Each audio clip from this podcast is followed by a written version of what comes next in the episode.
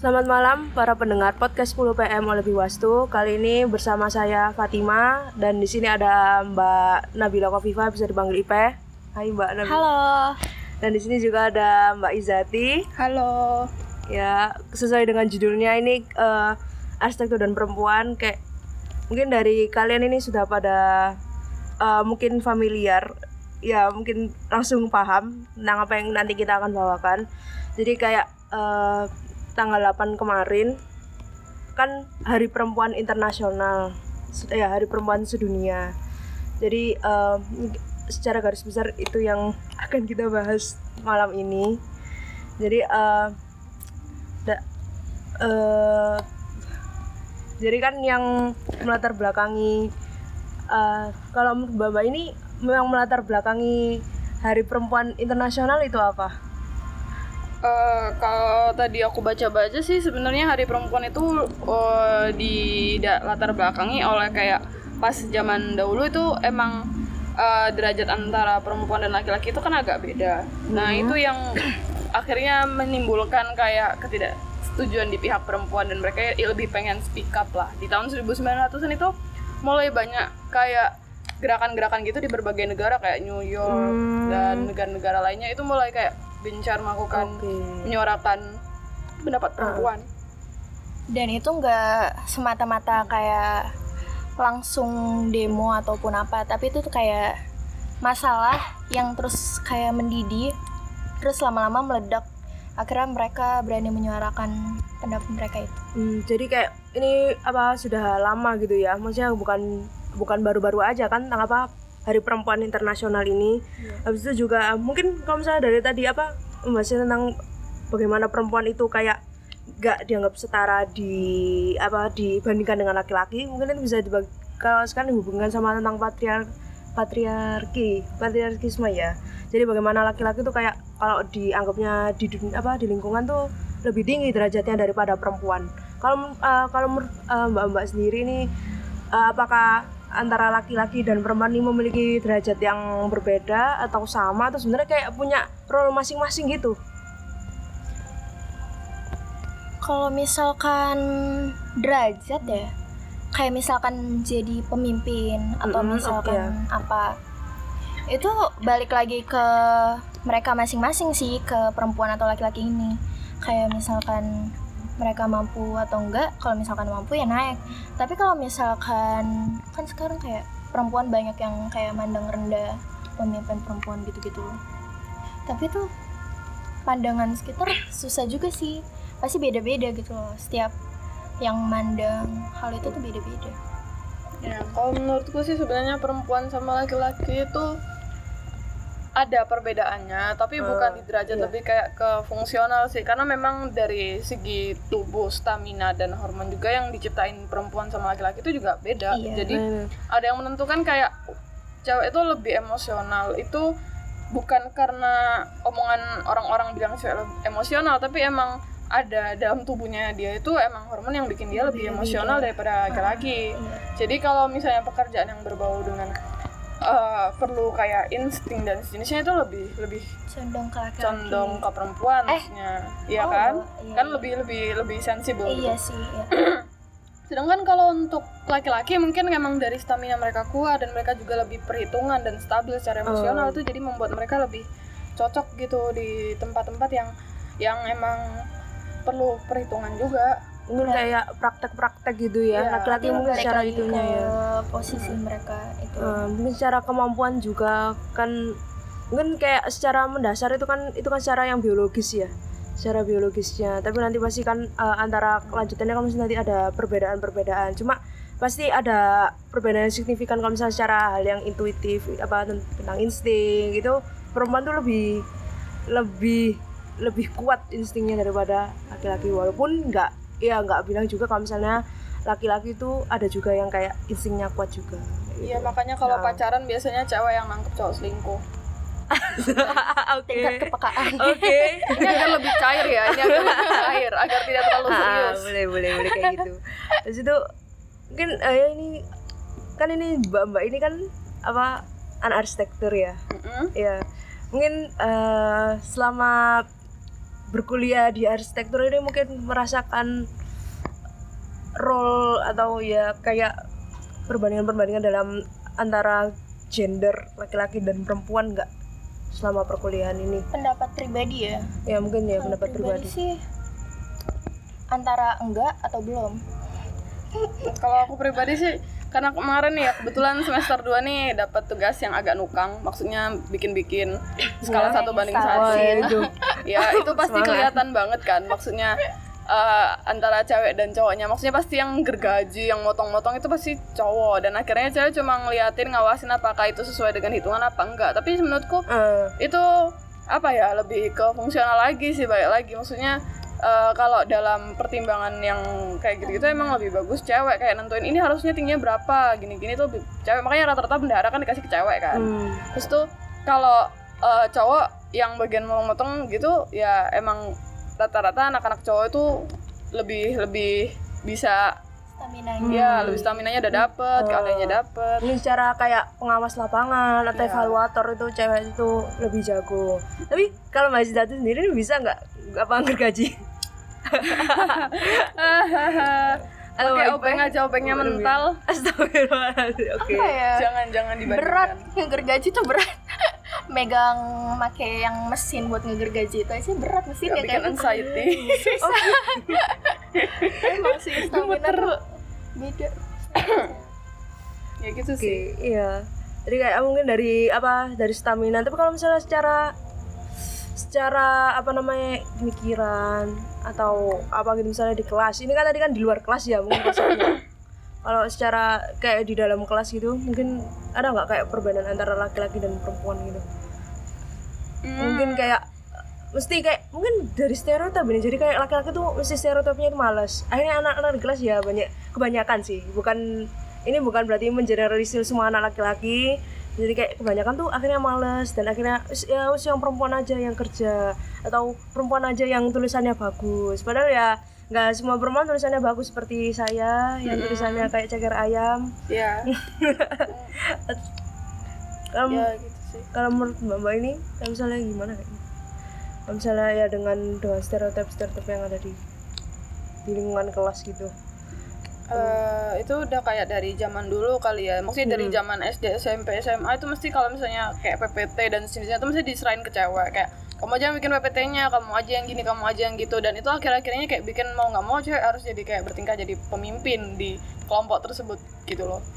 Tap- tapi ya bukan berarti cowok nggak bisa jadi Hmm. pemimpin. Mungkin emang kalau berdasarkan bab yang aku pernah baca itu ada yang bilang emang secara mental cewek itu lebih cepat dewasa daripada cewek daripada cowok. Maksudnya Iya, cowok itu baru bener mulai bener. baru mulai mikir secara dewasa itu mungkin di atas 20 tahun gitu. Jadi kalau misalnya di masa-masa sekarang mereka kayak kayak cowok tuh kesannya lebih males dan sejenisnya, mungkin itu lebih kayak mental mentalnya aja sih maksudnya mungkin belum belum belum apa ya istilahnya ya belum belum mencapai waktunya Ah, belum mencapai gitu. waktu dewasa gitu ya. Balik lagi tentang masalah biologis ini jadi kayak ya para cowok cepet dewasa ya. Kasihan ceweknya. Kalian buat PPT itu gak gampang oke. Iya menangis darah. Mm. jadi kayak apa bahkan kalau misalnya ya ini kan bahas tentang dunia arsitektur. Jadi kayak bahkan kalau sebenarnya di dunia arsitektur sendiri tuh kayak kalau udah kerja secara praktis itu kayak pun banyak tentang masalah-masalah kesetimpangan antara cowok dan cewek. Jadi eh, mungkin kayak ini salah satu contohnya itu jadi kayak istrinya Robert Venturi Dennis Scott Brown itu dia tuh kayak banyak karyanya. Kalau misalnya pernah baca itu banyak karyanya. Cuma dia itu akhirnya tuh kurang terpublikasi ketimbang Robert Venturi sendiri karena dia itu seorang cewek itu alasannya karena pure dia seorang cewek atau?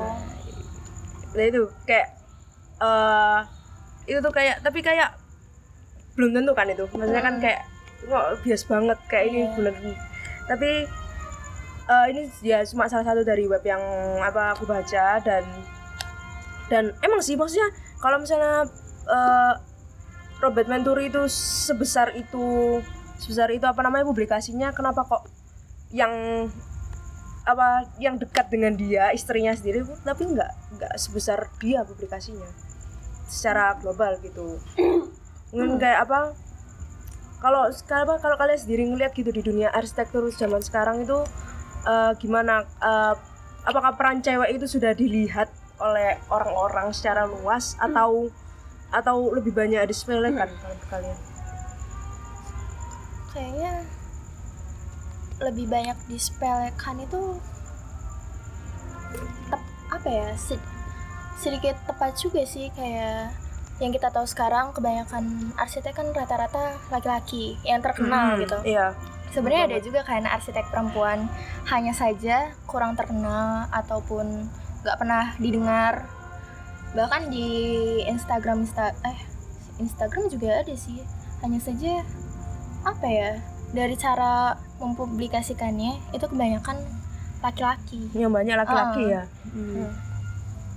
Eh, kalau dari aku sendiri mungkin kalau di Indonesia belum yang tadi belum terpublikasi dengan baik dan lagi ya mungkin masih sedikit ada stereotip mungkin di dunia arsitek mengenai arsitek perempuan. Kayak cenderung rata-rata arsitek perempuan itu ya jadi dosen jadi penulis oh buku. iya bener banget. Sedangkan kalau yang di proyek kayak yang punya konsultan itu baru kayak laki-laki gitu.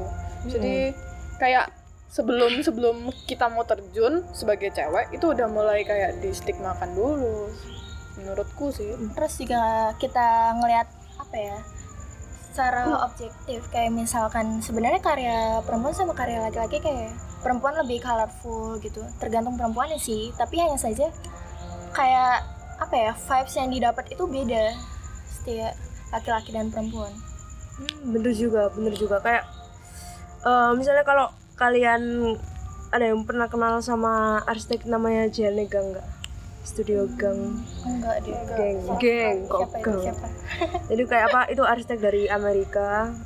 Is nah, dari Amerika setahu gue jadi eh, jadi salah satu bangunannya itu itu Aqua Tower di Chi- Chicago jadi eh itu kayak bahkan dari dari karyanya itu tuh kayak me- merevolusikan lagi dunia teknik jadi bagaimana di dunia engineering itu apa bisa membuat cantilever itu yang panjangnya itu sampai hampir 12 meter.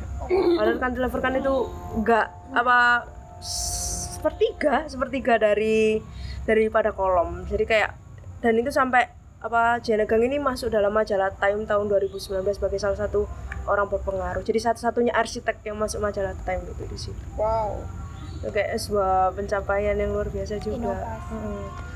Nah, sih kalau ke semisal gini mak maksudnya mungkin masih ada stereotip dunia arsitek itu kayak semisal cewek men- apa arsitek cewek mendapat penghargaan itu masih di wow karena jarang sedangkan kalau cowok oh iya udah biasa lah kan cowok gitu jadi masih Ah, iya. some kinds like ap- kayak Ah. ada beberapa hal yang kalau dilakuin cewek itu kayak wow kayak misalnya main gitar padahal cewek udah banyak yang main gitar tapi kalau cewek main gitar tetap kesannya wow iya terus kayak misalkan sekali menang nih kayak langsung boom gitu loh kayak oh ini Wow, cewek. Ah. kayak sesuatu yang Eh, atau kalau nggak gitu di berita-berita oh cewek cantik eh cewek itu aduh polisi cewek polwan kok iya kayak eh, kesannya kayak kayak karena jarang karena apa ya bukan jarang ada itunya tapi jarang banyak yang tahu gitu loh eh, Padahal- jarang publikasi Mm, jarang gitu. publikasi itu kayak itu kan juga kayak se- sebagai bentuk permainan media gitu juga kan kayak Iya. ya itu karena stereotip lagi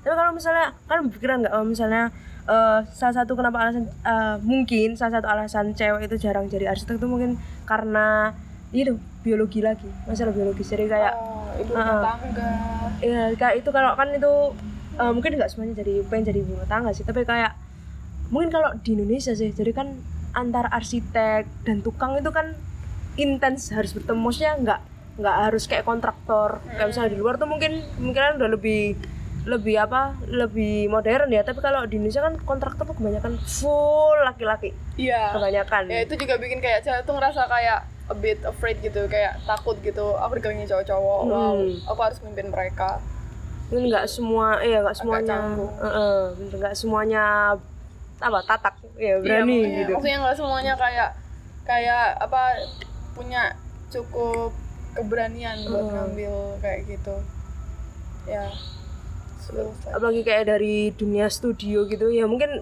ya bukan berarti itu dunia yang individualis ya di studio terus tapi kayak habis itu kayak bertemu dengan masa masa orang-orang kontraktor habis itu bertemu dengan dinas-dinas ngurus-ngurus. Nah gituan kan juga juga apa perlu tenaga ekstra apalagi yang sama laki-laki. Ya, ya jumlahnya nggak dikit gitu kan. Iya. di dunia tersebut. Belum lagi kalau misal arsitek-arsitek sebelum tuh misalnya udah mulai mikir kayak misalnya yang udah pro biasanya udah punya keluarga kan ya Iya. hitungannya berarti kan kayak harus bagi waktu antara, Antara keluarga. dan enggak. Kalau menurutku sih sejauh ini wanita karir dalam skala besar ya maksudnya bukan cuma di arsitek itu tetap bakal harus multitasking gitu. Kayak harus bertanggung jawab sama kerjaannya sama anaknya juga sama keluarganya. Ya jadi mungkin itu kayak jadi pertimbangan juga karena kalau di arsitek itu kan kita pasti bakal banyak keluar ke lapangan akhirnya ninggalin keluarga. Hmm. mungkin itu bisa jadi salah satu alasan Iya kan jadi kayak kita tuh harus apa namanya harus eh, punya banyak skill gitu. Iya. sekalian skill kita di arsitektur tapi juga kayak skill bagaimana kayak mengolah rumah tangga dan yang itu gak semua orang punya. Maksudnya harus latihan gitu kan kalau apalagi kalau kehidupan berumah tangga itu. Eh kok jadi mas kehidupan berumah tangga? Pada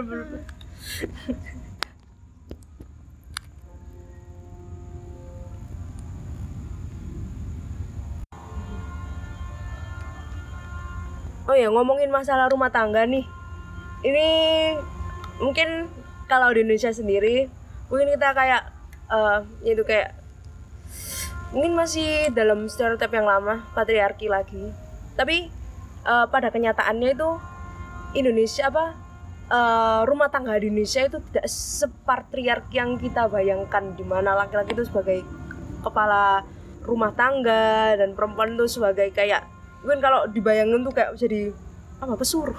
Iya gak pesuruh Iya, juga. Ah ah. Kayak- kayak yang nge-serve lah. Ah, kayak ya bersih bersih mau masak kamu rawat tanah gitu. Kayak tanda kutip play. Gimana bukan gitu gimana ya aduh iya bener lah bener. intinya kalian ngerti lah maksud kita apa. Mm-mm, mungkin kayak stereotipnya tuh kayak gitu ya. Hmm. tapi kalau apa secara luas di Nusantara ini itu sebenarnya itu nggak semua kebudayaan itu itu apa eh, menganggap wanita itu lebih rendah daripada laki-lakinya. Contohnya aja ini kayak di Padang. Apa kalau misalnya di Padang ini kan yang kental tuh malah matriarkinya. Jadi bagaimana ibu itu sebagai sebagai kepala rumah tangga di apa di dalam suatu komunitas rumah dalam komunitas keluarga. Dan kalau apa eh, apa namanya eh, dan laki-lakinya itu malah yang harus apa kayak keluar dari musik kayak merantau. Belayan merantau kan apa yang kebanyakan tuh kan laki yang merantau dan itu kayak eh, beban mereka itu mencari ekonomi buat keluarga mereka. Tapi secara eh, secara keseluruhan tuh kayak perempuan tuh yang mengatur kehidupan di dalam rumah.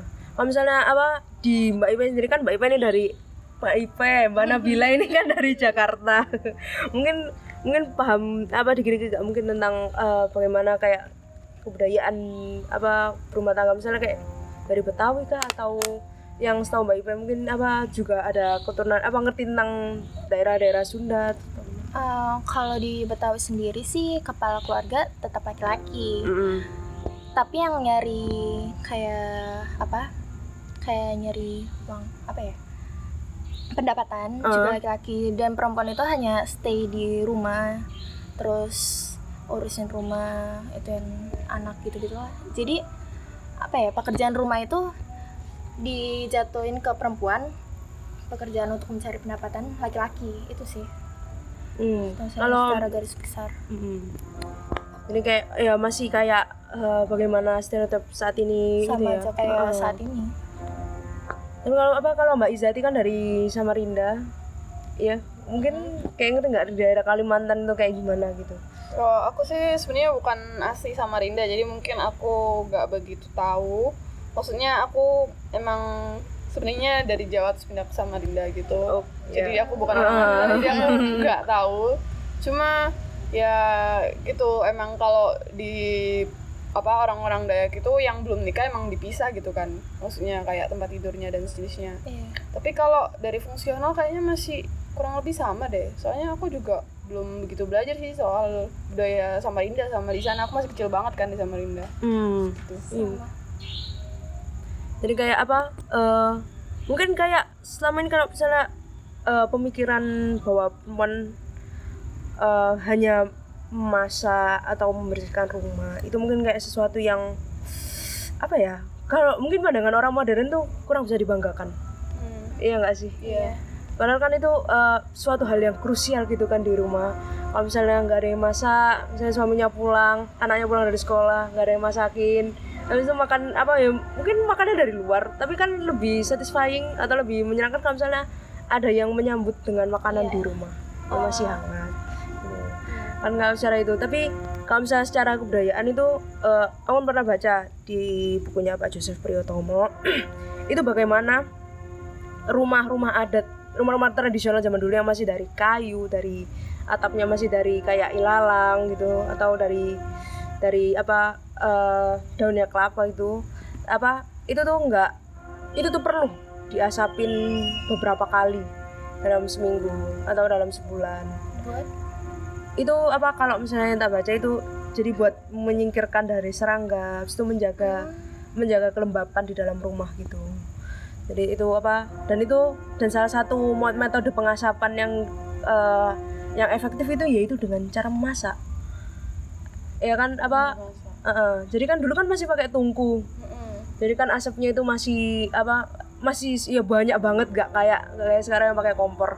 Jadi itu tuh apa mungkin kalau misalnya kompor sekarang mungkin kayak malah merusak dinding-dinding rumah ya. Jadi kayak hitam hitam atau malah berjamur. Tapi dulu itu malah malah semakin memperkuat rumah dan menjaga rumah itu semakin semakin lebih tahan lama di zaman apa di zaman itu zaman dulu kayak gitu.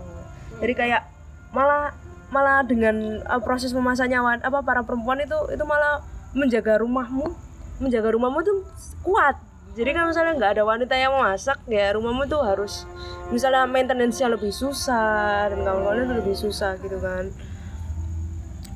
Kalau apa mungkin Mbak Ibu tahu apa Mbak Nabila atau Mbak Isati tahu dari kebudayaan yang lain. Kalau ini kan ini mungkin lebih lebih condongnya di apa Indonesia bagian timur sih. Soalnya eh, kalau secara dana itu dapur itu berada di tengah di tengah rumah kayak rumah Honai gitu Ya, kalau di daerah Jawa Timur sendiri itu kan ada di daerah Iya, ada masih masuk Jawa Timur, Timur kan ya? Mm-mm. Madura yang Iya. rumah apa namanya? Ta- tanian Tanian lanjang. Iya. ya Ya, itu katanya juga salah satu yang menerapkan ini sih bahwa perempuan itu penting. Mungkin Mbak Nabila bisa jelasin. Eh, kalau yang saya dengar-dengar ya perempuan di desa itu tuh kayak sangat dilindungi oleh laki-lakinya. Bahkan kayak dari kecil aja perem- bukan kecil ya remaja anak perempuan tuh kayak udah dibikinin rumah sendiri sama orang tuanya. Itu khusus buat dia yang ninggalin. Terus kayak misalkan kan rumah terus dia punya serambi di depannya. Itu tuh dia hanya bisa menyambut tamu perempuannya terus serambi itu serambi itu juga nggak sepenuhnya terbuka Mm-mm. itu juga setengahnya tertutup ya kalau nggak salah. terus untuk yang laki-lakinya itu di tinggal itu di tempat ibadah namanya di surau nggak sih mas di musola Ah, ah. jadi tuh awak pada siang hari itu buat tempat ibadah tapi pada malam hari itu tuh ditempatin sama laki-lakinya untuk tidur. Mm-mm. jadi kayak ya eh, apa nggak nggak terbuka gitu kan. Maksudnya kalau buat kurang terbuka gitu lah kalau misalnya buat para tamu laki-laki gitu ya. Jadi mungkin apa ya buat yang tamu perempuannya pun juga kayak masih dilindungi oleh bagian rumahnya juga ya. Terus juga Mhm. untuk penempatannya.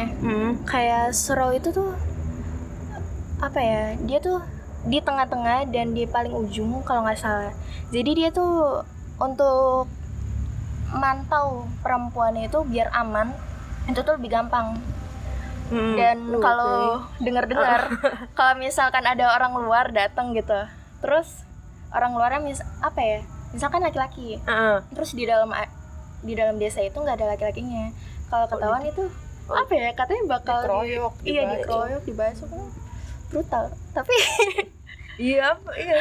Kayak memuliakan apakah bisa dibilang sebagai memuliakan perempuan kayak gitu? Maksudnya kayak ah, ya, menjaga. menjaga perempuannya.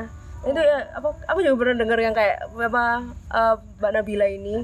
Jadi kayak apa jadi kan ya, dalam satu kawasan rumah itu kalau misalnya di situ ada perempuan di situ tamunya laki ya perempuan cuma nginceng gitu aja kayak ngeliatin dari dari cuma nyautin Iya gitu kayak ya dari cuma ngeliatin gitu oh, oh ada tamu. Iya. Kalau misalnya nggak ada laki-laki ya nggak didatengin, Iya, dibiarin. ini aku tak aku denger dengar nih malah kalau misalnya nikah gitu cowoknya yang ke rumahnya si cewek maksudnya yang tinggal di rumahnya si cewek dan kalau misal cerai Hmm.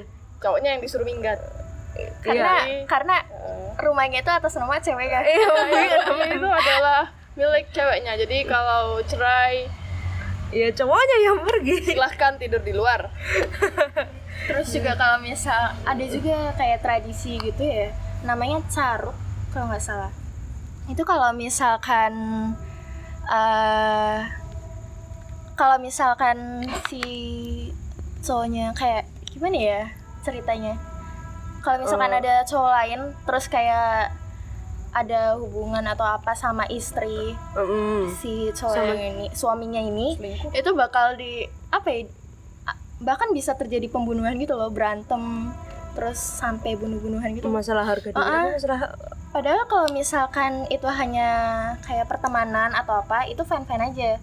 Tapi kalau udah menyangkut ke istri gitu itu langsung nggak ada kata maaf. Jadi kayak apa ya. Apa namanya? Kayak gitu ya. Apa ya tradisi sih tuh? Kayak peringatannya itu bukan bucin. Bedakan. Eh, bedakan dengan bucin. Oh, emang ah, I have no clue. tradisi sekarang bucin. Oke. enggak enggak. Enggak itu lebih kayak pride sih pride. Jadi cewek itu mungkin di sana dianggap sebagai suatu harga diri untuk laki-laki. Jadi Oh, itu iya. tidak boleh tidak boleh tersentuh terluka sedikit pun some kinds like that I was there trophy.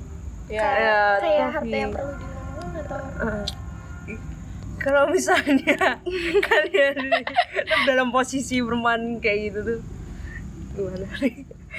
Aw. apa ya kalau pendapat pribadi sih fine fine aja dilindungi ya kan? Ah, kelihatan dia sama. Ipe ya. jujur iya kan kayak iya merasa aman gitu loh Hmm. Kalau aku sih ya aku juga nggak tahu ya mungkin kalau misalnya aku tumbuh di daerah sana mungkin itu akan menjadi hal yang wajar aja. Tapi kalau Hmm. aku dalam kondisi sekarang tidak harus seperti itu. Aku pribadi bukan cewek yang bisa diem di rumah meskipun Iya. aku anak rumahan. Jadi kayak Iya aku nggak bisa kayak harus dibatasi Iya dalam suatu tempat. Kayak aku pasti pengen explore atau istilahnya Oh, nginceng lah. iya. gitu lah. Bukan bukan nginceng cowoknya enggak. Cuma kayak pengen tahu lah dunia luar tuh gimana gitu. Tapi kalau misalkan ceweknya itu mau keluar itu bisa-bisa aja Iya hanya sih. saja kayak Uh, ada cuma kayak eh, tapi kayak itu kalau misalnya di Madura itu kayak dunianya dunia utamanya cewek itu di rumah. Tapi kalau keluar pun ya nggak masalah. Cuma kalau pas dia balik lagi di rumah tuh role-nya itu sudah berubah lagi. Bukan sebagai yang dia di luar tapi dia sebagai yang di rumah. Maksudnya ya ibu atau sebagai anak. Jadi kayak ya udah kayak role-nya ya role-mu itu itu gitu loh di rumah. Dan role-nya laki pun ya udah beda lagi kalau misalnya antara di rumah dan di luar gitu. Hmm, tapi kayak penjagaan kan ini kan cewek-cewek di sana kan mesti dijaga banget. Tapi kalau dalam menyampaikan pendapat mereka itu apakah mereka di nomor dua kan? Atau atau justru di nomor satu kan sama si suami kalau masalah pendapat gitu-gitu kita kurang tahu ya Hmm. soalnya Iya sih, kayak apa akhirnya kayak aku cuma dari asumsi aja sih ini. Cuma karena karena apa ya? eh, jadi kan beberapa minggu ini apa namanya itu kayak sering ke pasar Pabean gitu kan. Dan itu kayak mayoritas di sana tuh orang eh, suku dari dari Madura. Jadi kayak ngeliat bagaimana cewek-cewek Madura itu malah lebih independen daripada daripada kayak misalnya kayak cewek-cewek apa ya mungkin perbandinganku sama cewek-cewek Jawa malan karena kayak mereka di sana itu bayangin di sana itu jadi kayak kuli panggul. Kebanyakan tuh malah oh, kebanyakan tuh malah perempuan yang jadi kuli panggul di sana itu. Habis itu dan yang malah yang nyewa mereka itu malah laki-laki. Jadi aku pernah lihat salah satunya itu kayak gitu. Habis itu ya juga jadi eh jadi penjual ikan habis itu jadi penjual bawang. Sebenarnya kayak mereka tuh dan apa entah kenapa tuh aku lihat orang Madura di mana pun kalau ketemu sama orang Madura yang lain itu tuh kayak dianggap keluarga gitu. Jadi mereka tuh langsung langsung guyup gitu. Kayak misalnya ngeliat tuh kayak kemarin tuh kayak mereka tuh kayak sudah saling ngumpul ngobrol ngobrol bareng gitu. Sekarang malah orang yang kayaknya malah yang kelihatan Jawa itu eh, apa namanya malah lebih lebih apa ya lebih menyendiri ketimbang ketimbang yang sama apa jadi yang malah yang ramai itu malah perempuan-perempuan Maduranya gitu. Jadi kayak cuy-cuy power. iya malah kayak powerful gitu. Kalau dan eh ya mayoritas malah yang kelihatan tuh malah perempuannya yang di sana. Padahal tuh misalkan di Eh. yang sambungin ke yang pendapat tadi yang di dalam keluarga kalau dengar dari cerita itu kayaknya apa ya nggak di nomor dua kan sih. Mm-mm. antara dirembukin atau ya cewek lebih itu Iya, tapi kayaknya nggak mungkin di nomor dua kan sih. Mungkin kalau kayak misalkan eh, mungkin kayak itu loh. Kayak sebenarnya tuh mereka tuh kuat di dalam. Apa namanya? Jadi kayak punya apa mereka tuh kayak ada waktu-waktunya lagi tuh ya power. Apa maksudnya kayak ya itu kayak di role di rumah berbeda dengan role di keluarga. Jadi kayak uh, mereka tuh oh uh, role di luar. Jadi kayak sebenarnya tuh mereka kuat tapi mereka tuh mampu menempatkan diri gitu. Menempatkan ah ah, bener gak sih? Kayak gitu. Jadi kayak di rumah mungkin kayak apa sebagai bukan pelayan juga sih kayak apa membantu. Apa ya? Apa apa membantu. masih eh, gini sih eh, mungkin di rumah itu dia sebagai seorang ibu. Eh, dia itu bedanya ibu sama pembantu ya kalau ibu kan itu juga Iya. mengayomi anak-anaknya memberikan Ah. pendidikan dan sejenisnya itu semua dibentuk oleh ibu gitu. Jadi mungkin role-nya dia di rumah itu lebih keibuan sisi keibuannya dikeluarkan. Hmm, tapi mungkin di lu di luar itu sisi kepemimpinannya yang justru dilihatin iya. mungkin apa? Itu sebagai istri. Ya Ya. mau membantu sih. Aku tadi mau bilang membantu suami kok gitu kayak enak ya. Mungkin sebagai apa merasa seperti ya di rumah kan ya ada suami. Jadi kayak ya melayan apa sebagai istri itu di mana kayak ya masakin terus nyuciin atau apa. Tapi bukan berarti itu satu hal yang buruk guys. Kalau misalnya kalian baca di internet itu eh, kalian bersih bersih rumah itu sama dengan olahraga kardio. Jadi, jadi itu suatu yang sehat ya. Jadi jadi ibu itu bukan berarti kalian malas-malasan di rumah. Bedakan antara kata ibu istri sama pembantu Iya. Eh, apa namanya kalau eh, jadi ibu dan sini itu bukan hal yang buruk maksudnya kayak semisal ada beberapa cewek yang milih untuk menjadi ibu rumah tangga misalnya ada aku kebetulan punya saudara arsitek yang lebih memilih untuk jadi ibu rumah Hmm, tangga iya. ya itu tergantung pilihan pilihan kalian sih maksudnya kalau misalnya oh aku prefer jadi ibu rumah tangga karena aku lebih pengen anakku gini gini gini gini atau aku Iya. pengen keluarga kayak gini gini itu bukan masalah dan kalau misalnya aku lebih pengen jadi wanita karir yang arsitek gini gini gini gini aku pengen capai ini ini ini itu juga nggak masalah selama role kedua role itu Bisa tetap itu- balance Ah, bener sekali. Jadi kayak mungkin kalau eh, sekarang presidennya mungkin yang barusan melahirkan Bu Adiba. Uh, Iya. congrats. keren banget kalau kalau apa apa juga kayak Bu Adiba selama di kelas itu kan keren banget juga. Tapi kayak misalnya apa eh, mungkin kalau ibu rumah tangga yang S2 kan pernah dengar gak Tasya? Tasya Tasya siapa? yang dulu sering main di TV. Tasya Kamila? Ah, itu kan S2. Tapi Oh, akhirnya iya. sekarang tuh milih jadi ibu rumah tangga. Yang nggak apa Mungkin kayak kayak kebanyakan kalau aku lihat sih, itu kebanyakan nyinyirin. Jadi kayak "Eh, ngapain kamu apa S2, S2 tapi gitu, tapi jadi ibu rumah tangga.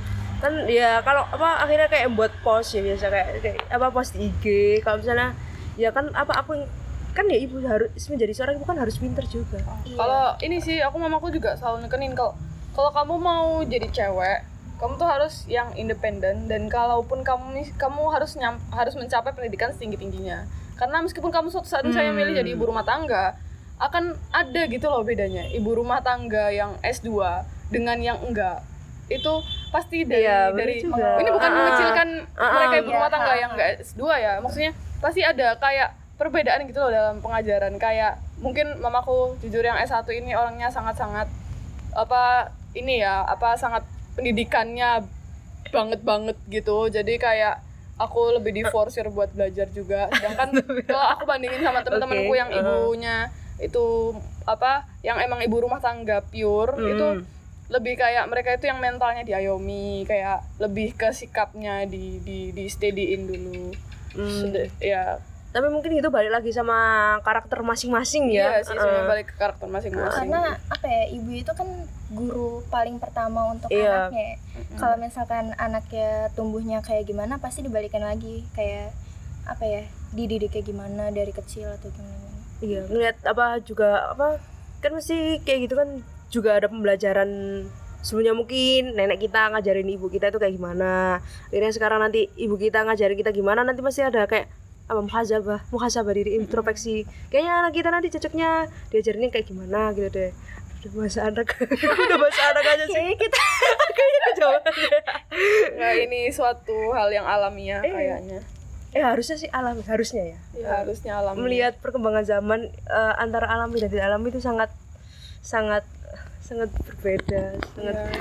kayak jadi aneh ya dunia semakin aneh guys berhati-hatilah ya kayak ini apa kita apa udah banyak Udah banyak ngomongnya banget, juga nih kayak iya. gibah rasanya kayak gibah kekep cewek kehidupan cewek Wah, berharap ya ini bukan sekali lagi nggak mengecilkan peran laki-laki ya di sini Mm-mm. cuma lebih pengen empowering woman aja jadi Iya. kayak lebih bikin cewek-cewek lebih pede meskipun dia di arsitek dia juga Uh-uh. harus percaya kalau dia bisa jadi seorang arsitek di masa depan terlepas dia Iya. bakal jadi dosen atau jadi konsultan. Atau mau jadi ya jadi apa pun mungkin nanti nggak jadi arsitek atau konsultan atau yang lain. Atau jadi ibu rumah tangga. Eh, itu pun ya punya apa ya jangan dibuat down. Maksudnya kayak ya kita itu semua sebenarnya itu setara. Apa kalau di agama itu semuanya itu setara di mata Tuhan. Kecuali apa yang membedakan itu cuma amal ibadah. Jadi kayak eh, apa pun apa status kalian apa pun apa eh, gender. Karena mungkin sekarang gendernya tuh lebih apa lebih luas lagi nggak cuma cewek cowok tapi itu bahasan eh, nggak dibahas sekarang. Jadi kayak itu pun dia sebenarnya setara semua. Jadi kayak mungkin dari awal tadi kita bahas tentang bagaimana eh, perempuan itu di secara di arsitektur habis itu gimana kayak eh, kalau kita kalau kesahnya perempuan tuh kayak eh, selama perkuliahan ini habis itu eh, di bagaimana kalau sebenarnya Nusantara tuh nggak memandang wanita itu apa sebagai yang lebih rendah itu sebenarnya sebagai suatu apa punya role yang berbeda dibanding laki-laki Habis itu eh, ya Jadi- gitu. mungkin uh, quotes of the day. Quotes of the day ya. Uh, mungkin kita harus tahu kapan menempatkan ha- hal yang disebut salah dengan hal yang disebut berbeda aja sih. Gitu. Jadi kalau misalnya ada kita yang apa uh, ada kalanya itu kayak kita memandang bahwa ibu rumah tangga itu ibu rumah tangga yang S2 itu adalah suatu kesalahan. Padahal sebenarnya itu cuma perbedaan pemikiran aja gitu. Kita harus tahu kapan nemputin apa nempatinnya aja gitu terus juga untuk pesan untuk yang ngedengerinnya cewek nih misalkan. Semangat kalau mis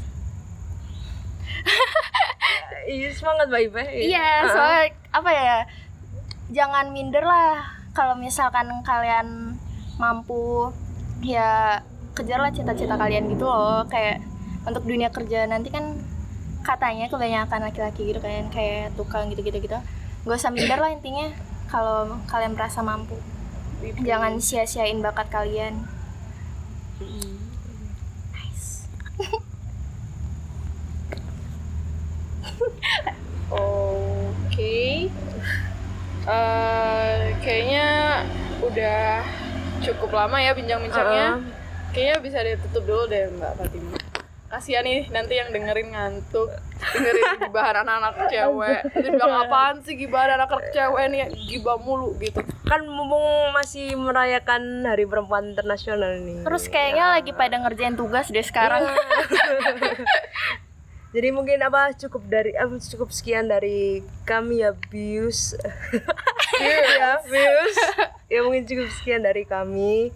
Selamat malam dan selamat mengerjakan tugas. Dah. Bye. Dadah.